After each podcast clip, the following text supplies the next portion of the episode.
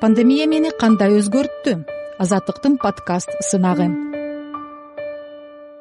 Саламатсыздарбы урматтуу кыргыз элим. Аты жөнүм айтбаева чынара жыйырма бир жаштамын пандемия мени кандай өзгөрттү? Дүйнөнү бир заматта дөрбөткөн бул оору көпчүлүктүн заарын алып ыйлайтып жүдөтүп алсыратты десем жаңылышпайм өлбө жаным өлбө деп бир нукка түшө албай келе жаткан өлкөлөрдүн тамырынан кармап алардын бири менин кыргызстаным. Эх кандай гана өкүнүчтүү. Абал барган сайын оорлоп өйдөдө чоңдорубуз алдыга кол сунуп тартып кете турганын ордуна айтор айтып отурсаң сөз көп. Чет жакта жүрүп пандемия башталар менен эле тилегеним. Кыргызстаныма жетпей эле койсо экен деп тынчтанып интернет аймактарын аңтарам. Бирок жетип бараарын жүрөк сезди кайра эле нааразычылыгым бийлик башындагыларына кетет. Эмнеге? Тырнактай кыз болуп алып менин жүрөгүм сезет а бийлик башындагыларчы алдын ала иш жүргүзүп медицинабызга кам көрсө болбойт беле. Макул бийлик башындагылар андай экен.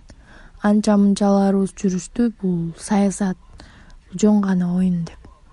Анда эмне? Трамп бекеринен кытайга дүйнөлүк сотко берери дагы бул оюнбу вирус жок деп тартипке баш ийбей пандемиянын көбөйүшүнө салым кошкондор албетте өзүбүз.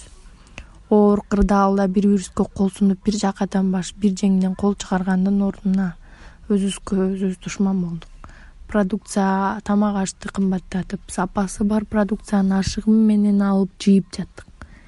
Дары дармектин баалары эки эсе жогорулатылды азыр өзүм ата энеме камкор жардам колдоо көргөзгөндүн ордуна чет жакта өз убайымды тартып иштеп жүрөм эгерде өзүбүздүн жерибизде жаркын келечек болсо ушунча эл темселеп чет жакта жүрөт беле. Биздин келечегибизди мамлекет башындагылар алып койгон. Азыр мага окшогон мигранттардын саны аябай көп. Дүйнөнүн баардык булуң бурчунан кандай жумуш болобу кара жумуш болобу кыргыз жараны тапса болот.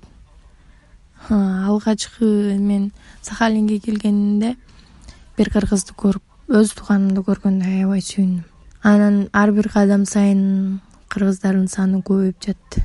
Сүйүнүчүм кайгыга айланды.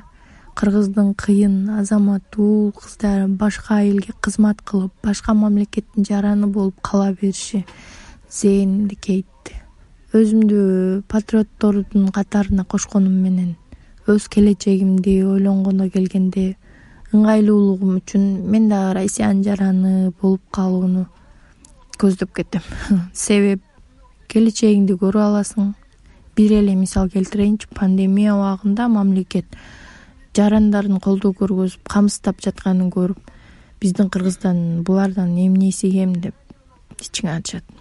Оор абалда аба каттамдары чек аралар жабылып калгандыктан көп кыргыз жарандар мекенине кайта албай орто жолдо калгандар да болду дагы да күтүп жүрөбүз.